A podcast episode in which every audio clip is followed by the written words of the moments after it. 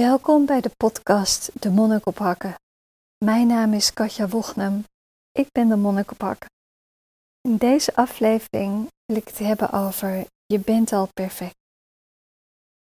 Onlangs sprak ik een vrouw en deze vrouw is net met een nieuwe baan begonnen. En ja, als je een nieuwe baan begint, dan ga je er helemaal voor, dan geef je alles. Je wil natuurlijk jezelf van je beste kant laten zien. Maar ook alles is nog nieuw, dus het kost allemaal iets meer tijd om ehm, alles te begrijpen, hoe alles werkt, etc. Zij heeft eerder een burn-out gehad en ze vertelde mij dat ze bang was om weer een burn-out te krijgen. In het diepst van haarzelf was ze zo bezig met zichzelf te bewijzen. En toen ik even verder met haar sprak, was het dat ze het echt vreselijk zou vinden als mensen haar dom zouden noemen of lui zouden noemen. Dat, ik, ik zag aan haar dat dat zoveel met haar deed. Van oeh, als mensen dat over mij zeggen, dat, dat overleef ik bijna niet. En het is heel interessant, want zo'n overtuiging maakt dat je gedreven wordt om heel erg je best te doen. En natuurlijk is dat een positief iets. Het is heel positief als je best wil doen.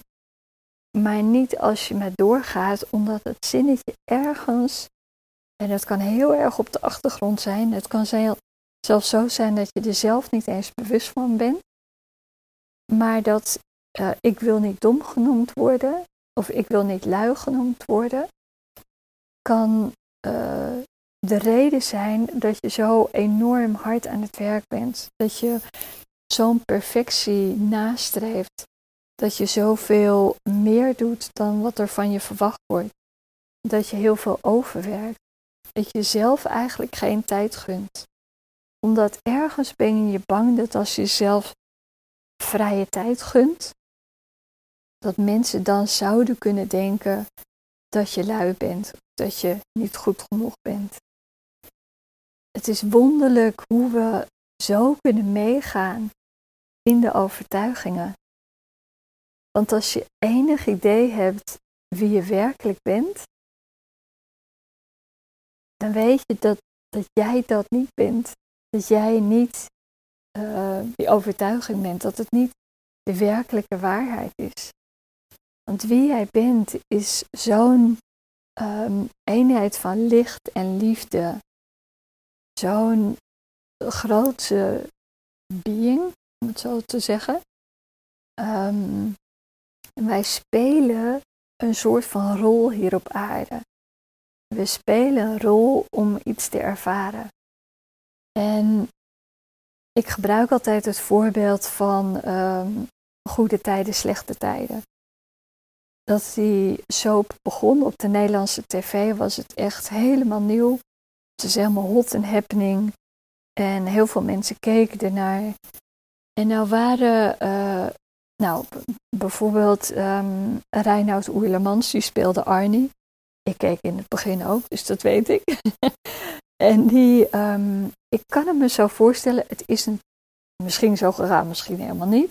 Maar stel je eens voor, kruip je eens in de huid van Reinoud Oerlemans, die een rol speelt van Arnie. En die elke dag op de set is. En elke dag leeft hij zichzelf in als ware dat hij Arnie is.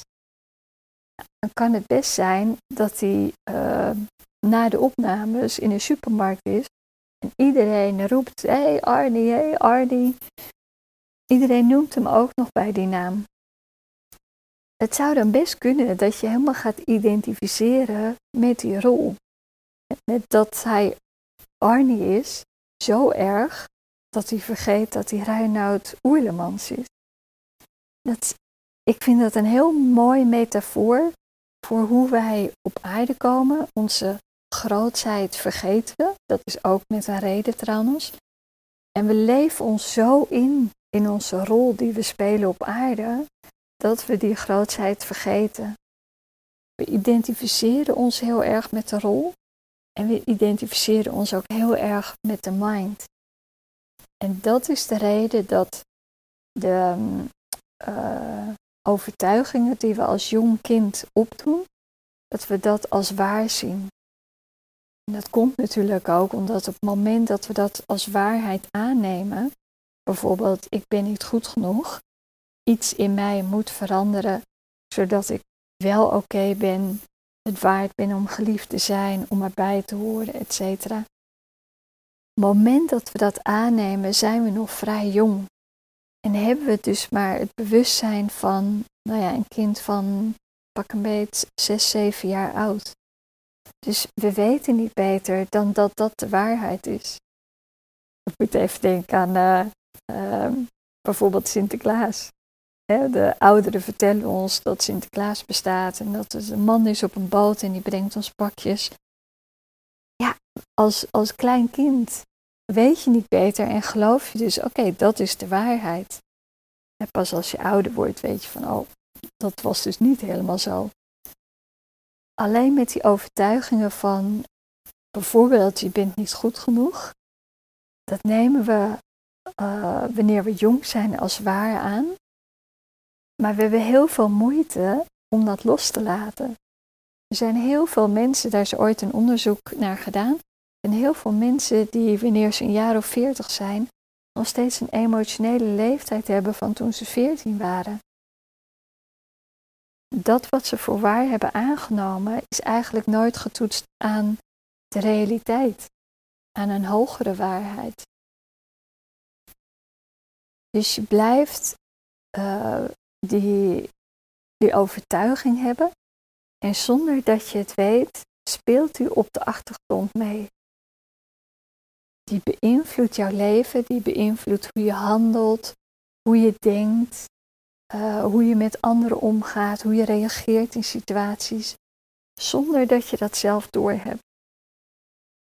En dat komt omdat je het al zo lang geleden voor waar hebt aangenomen dat het eigen voelt en vertrouwd voelt. Een zo ben ik nou eenmaal. En daarom was het voor die vrouw die ik sprak ook heel normaal zo van nee, ik zou het echt heel erg vinden als mensen mij dom of lui vinden. Alleen dan ben je een soort van um, gevangen in de mind. Het grappige is, daar waar je zo voor wil weglopen, in dit geval van ik wil niet dom genoemd worden, blijft als het ware aan je knagen. Ik heb ooit een heel mooi boek hierover gelezen en dat heb ik haar ook aangeraden, is van Debbie Ford, The Dark Side of the Light Chasers. Het gaat erom dat je omarmt wie je juist niet wil zijn. Want alles is oké. Je mag alles zijn. Want wie je werkelijk bent, heeft daar totaal geen problemen mee. Die weet dat je hier puur bent om een rol te spelen. En dat het niks te maken heeft met je werkelijke zijn. Het kan jouw pure essentie niet beïnvloeden. Het is oké om dom te zijn. Het is oké om lui te zijn. En waarom? Omdat iedereen in zijn leven dat wel eens is. Dus jij ook. Maar hoe meer je het van je afduwt, hoe meer het je beïnvloedt in je werk, in je acties. Net als de patronen, ik ben niet goed genoeg. Je gelooft erin, je identificeert je ermee en daarom wordt het groter. Je zoekt dan continu naar de bevestiging, ook weer zonder dat je dat zelf doorhebt. Maar wie jij bent is veel groter dan de mind. De mind is heel erg useful, het is een useful tool. Maar misschien is het wel fijn om dat uit te leggen. Um, door de mind hoef je niet steeds dingen opnieuw te leren.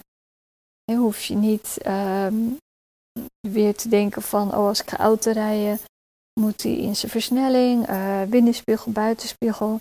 Het gaat op de automaat. Maar de mind weet niet wat het onderscheid is tussen wat ondersteunend is voor ons en wat ons tegenhoudt in onze groei. En je bent hier ook om dat te overstijgen. Om daar bewust van te worden dat je dus eigenlijk jezelf kleiner maakt en jezelf dus beperkt in de rol die je speelt op aarde. het moment dat je dat kunt zien, dan is het eigenlijk het licht van bewustzijn wat erop schijnt. En het lijkt alsof je ook letterlijk erboven stijgt. En op dat moment doet de overtuiging niks meer met je. Het kan wel zijn dat die overtuiging jou nog triggert. Dat je mm, in een andere situatie dat je de, merkt van hé, hey, het, het komt weer naar boven. En dat is niet iets om boos over te worden of teleurgesteld over te worden van oh jee, daar is het weer. Zie het alsof um, je zo ontwikkeld bent dat het universum je een hoger level aanbiedt. Net als in een computerspel zijn we heel erg blij van, um, oh wauw, ik heb een hoger level gehaald. Ik doe het hartstikke goed. En zo is het eigenlijk ook in het leven. Um, je krijgt nog steeds uitdagingen. En de uitdagingen lijken moeilijker te worden. Maar dat is net zo in een computerspel. Dus als je moeilijkere uitdagingen krijgt, yeah! Het is juist hartstikke goed. Het betekent dat je ontwikkelt, dat je groeit. En de vraag is niet van waarom komen ze weer, maar de vraag is meer van, oh wauw, hoe kan, hoe kan ik hiermee omgaan? En dan word je een meester in het spel van loslaten, van je overgeven aan wat er is. Want hoe meer je um, het kan zien als wauw en hoe meer je het oké vindt dat het er is, hoe makkelijker het wordt om ermee om te gaan. Ik moet ook even denken aan wat, wat ik ooit gehoord heb van um, het is net als een partijtje tennis spelen. Ja, in het begin dat je gaat leren tennissen, dan irriteer je wel eens over uh, hoe de ballen uh, naar je toe komen. Die is te hoog, die is te hard, uh, daar kan je niet bij, moet je te veel voor rennen. Maar naarmate je meer tennis speelt, kan je meerdere ballen raken en krijg je ook meer plezier in. Je wordt steeds beter. Dan irriteer je niet meer dat de bal terugkomt naar jou. Je wordt juist heel erg uitgedaagd en enthousiast van, wauw, hoe ga ik die bal raken? Wat kan ik doen zodat ik toch die bal kan terugslaan? En dat is eigenlijk ook een beetje met de belemmerende patronen in je leven. Die patronen kunnen zeer zeker in een hoger level nog terugkomen. En dan is de vraag aan jou om niet geïrriteerd te worden of emotioneel te worden van waarom komt het nou nog steeds terug? Ik dacht dat ik dit al had um, getransformeerd of had losgelaten. Nee, het is meer van wauw, ik mag een hoger level spelen. Hoe ga ik hiermee om? Is er een andere manier waarop ik hiermee om kan gaan? Dat zorgt ervoor dat je blijft groeien, dat je uh, bewustzijn blijft groeien. Want stel je voor dat er, nou ja, dat je op een gegeven moment um, niks meer hebt om mee te spelen. Ik, ik denk dat zolang je hier op aarde bent als mens, dat er altijd mogelijkheid is tot groei. En dat gelukkig maar, want anders zou het een beetje saai worden.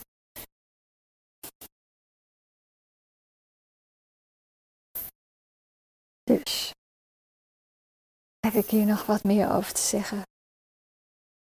Kijk naar waar je je identificeert met je gedachten, met je overtuigingen. En het alleen ernaar kijken is als het ware dat je er licht op schijnt van het bewustzijn. Het weten dat jij het niet bent, dat het maar een gedachte is, kan genoeg zijn om je er zo uit te halen.